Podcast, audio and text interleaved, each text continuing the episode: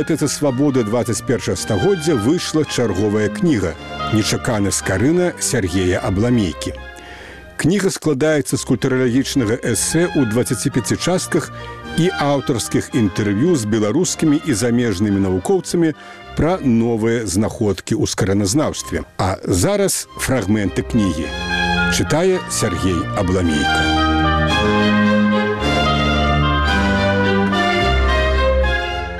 А зараз пра тое, да якой царквы мог належаць скарына. Уніяцкі архімандрыт, будучы кіеўскі мітрапаліт Антоній Сялява, звяртаючыся ў 1622 годзе да сваіх праваслаўных апанентаў, пісаў: І перад тым яшчэ задоўга да продкаў вашых Русь была добра атручана. яшчэ да уніі быў скарына, еретык гусіцкі, які для вас кнігі па-руску друкаваў у празе.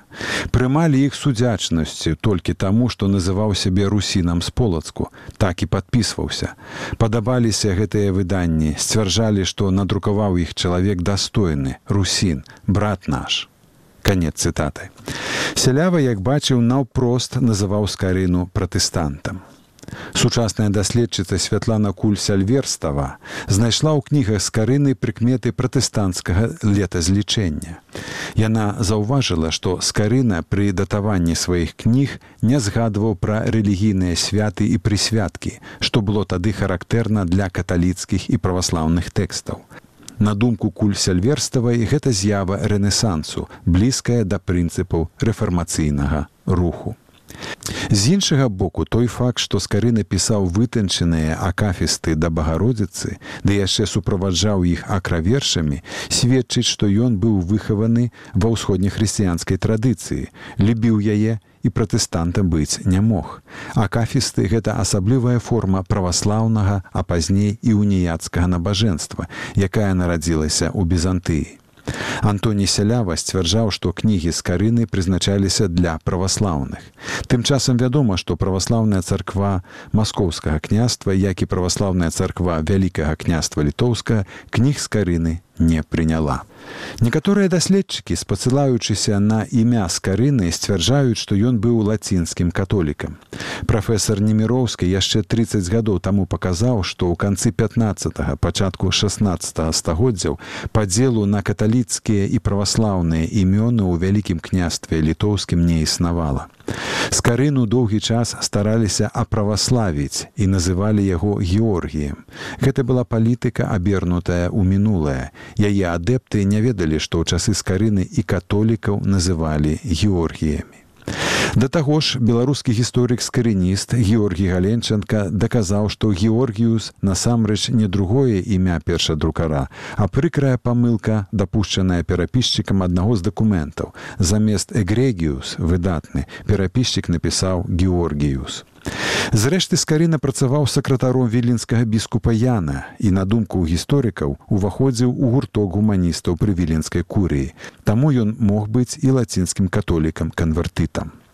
У 15 стагоддзі шэсць беларускіх мітрапалітаў з 13 прызнавалі унію з рымам. Не ведаючы гэтай акалічнасці, цяжка зразумець вытокі гатычнай архітэктуры беларускіх праваслаўных цэркваў 15 стагоддзя, сынкавіцкай, маламажэйкаўскай, наваградскай, барысаглебскай і іншых.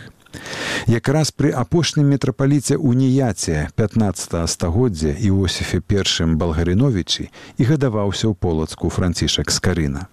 Змяшэнне каталіцкай і праваслаўнай духовнасці і абраднасці пачалося ў Беларусі з 14 стагоддзя.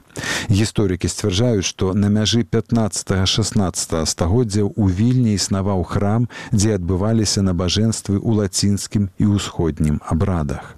Падпісаная ў 1439 годзе флярэнская унія паміж Канстантынопалем і Рымам была прызнаная царквой і ўладамі вялікае княства літоўскага.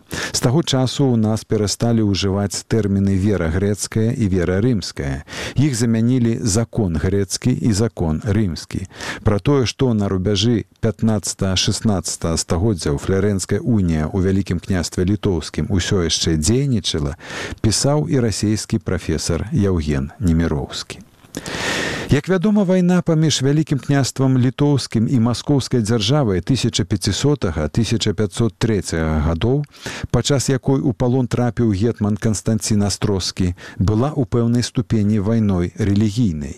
Яе пачатку паспрыялі спробы навярнуць на унію Алену Іванаўну, жонку вялікага князя літоўскага Александра Ягайлавіча і дачку маскоўскага князя Івана III.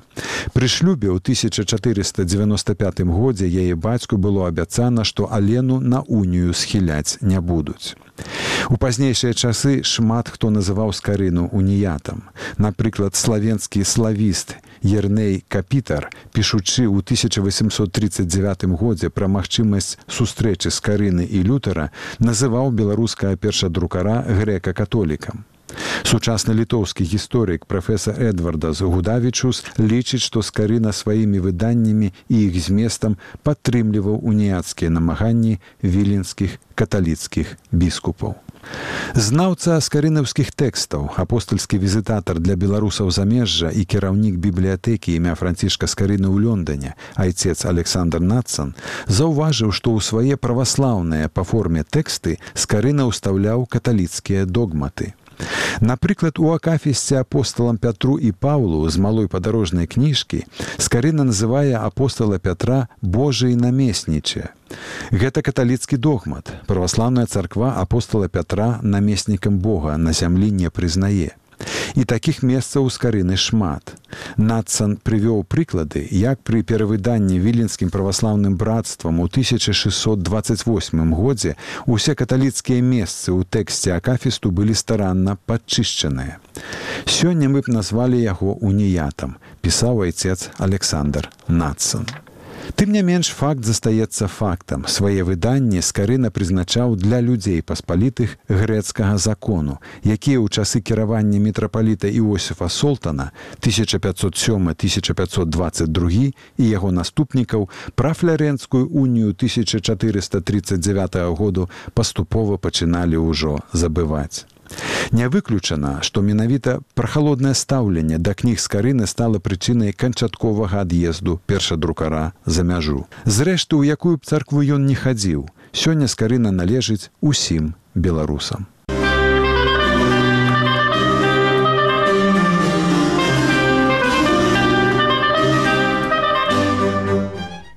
А зараз пагаворым пра тое, ці добрым лекарам быў скарына. У пачатку 16 стагоддзя дактароў медыцыны ў Еўропе было вельмі мала. Некаторыя навукоўцы мяркуюць, што усе яны былі знаёмыя паміж сабой ці прынамсі падтрымлівалі кантакты пры дапамозе перапіскі. Прафесія лекара ў тыя часы прыносіла дастатковы даход, каб чалавек мог заможна жыць. А ўзровень людзей, у якіх скарына працаваў лекарам, сведчыць не толькі пра тое, што ён добра зарабляў, але і пра тое, што яго прафесійны ўзровень задавальняў высокапастаўленых пацыентаў. Лекарскую адукацыю ў невядомым пакуль універсітэце Еўропы скарына атрымаў паміж 1506 і 1512 гадамі. Гісторыкі, як мы ўжо ведаем, усё больш схіляюцца да думкі, што ў гэтым самым прамежку часу скарына пабываў і сакратаром караля Даніі Ганса, які кіраваў краіны ў 1481 1513 годах. Зразумела, што будучы пры двары скарына мог лячыць і караля і іншых высокапастаўленых дацкіх прыдворных, бо прафесійныя лекары тады без сумнення былі рэдкасцю. Больш за пяць гадоў скарыны быў сакратаром і лекарам віленскага біскупа Яна. Ён быў пазашлюбным сынам жыгемонта першага старога і афіцыйна зваўся янам з князёў літоўскіх. Як светская асоба ян кіраваў епархіі і браў з яе даходы. Скарына такім чынам лячыў сына караля і вялікага князя. Пасля скарына стаў лекарам прускага герцага Альбрехта, які вельмі шкадаваў, калі праз два гады славуты палачанін яго пакінуў можна вядома разважаць і пра тое што скарына больш аддаваўся перакладу і друкаванню кніг чым лекарскай справе. Ускосна пра гэта сведчыць і ліст напісаны прускім герцакам альбрехтам 26 траўня 1530 году віленскаму ваяводу гаштольду у якім альбрехт скардзіўся што пры ад'ездзе з каралеўца скарына забраў сабой і мясцовага друкара З гэта вынікае, што асветнік збіраўся далей выдаваць кнігі, але зусім не вынікае, што ён менш увагі надаваў лекарскай справе. Пры гэтым трэба разумець, што ў тыя часы непасрэдным лячэннем людзей займаліся чараўнікі, траўнікі, знахаркі, цырульнікі, аптэкары, манахі, кавалі і нават гарадскія каты. Пры дварах каралёў і арыстакратаў была невялікая колькасць дыпламаваных лекараў. Дактары медыцыны практыкавалі наогул рэдка. Гэта была эліта навуковага свету, своеасаблівая арыстакратыя. Доктарская ступень давала яе ўладальніку пропуску найвышэйшыя сферы грамадства. Дактары медычных навук пераважна займаліся абмеркаваннем тэарэтычных праблем медыцыны і філазофіі. Але былі сярод іх і тыя, хто сапраўды лячыў людзей. Такім практыкуючым лекарам быў ужо згаданы раней віцэ-прыёр медычнай калегіі падуанскага універсітэту доктар свабодных навук і медыцыны Тадэо Мусаці, які прадстаўляў скарыну сваім калегам у падуі і, магчыма, стаў прыкладам для маладога беларуса. З усяго нам вядомага пра скарыну можна зрабіць выснову, што ён быў добрым лекарам і патрыётам сваёй прафесіі. Ён перадаў яе свайму сыну семяону, які практыкаваў у другой палове 16 стагоддзя ў Чэхіі. Таксама нельга не звярнуць увагі на той факт, што скарына ганарыўся сваёй прафесіяй і навуковай ступенню доктара медыцыны. Усюды, дзе мог, ён падпісваўся не толькі сваім імем і прозвішчам, але і тытулам в лекарскіх навуках доктар хаця быў і доктарам свабодных навук.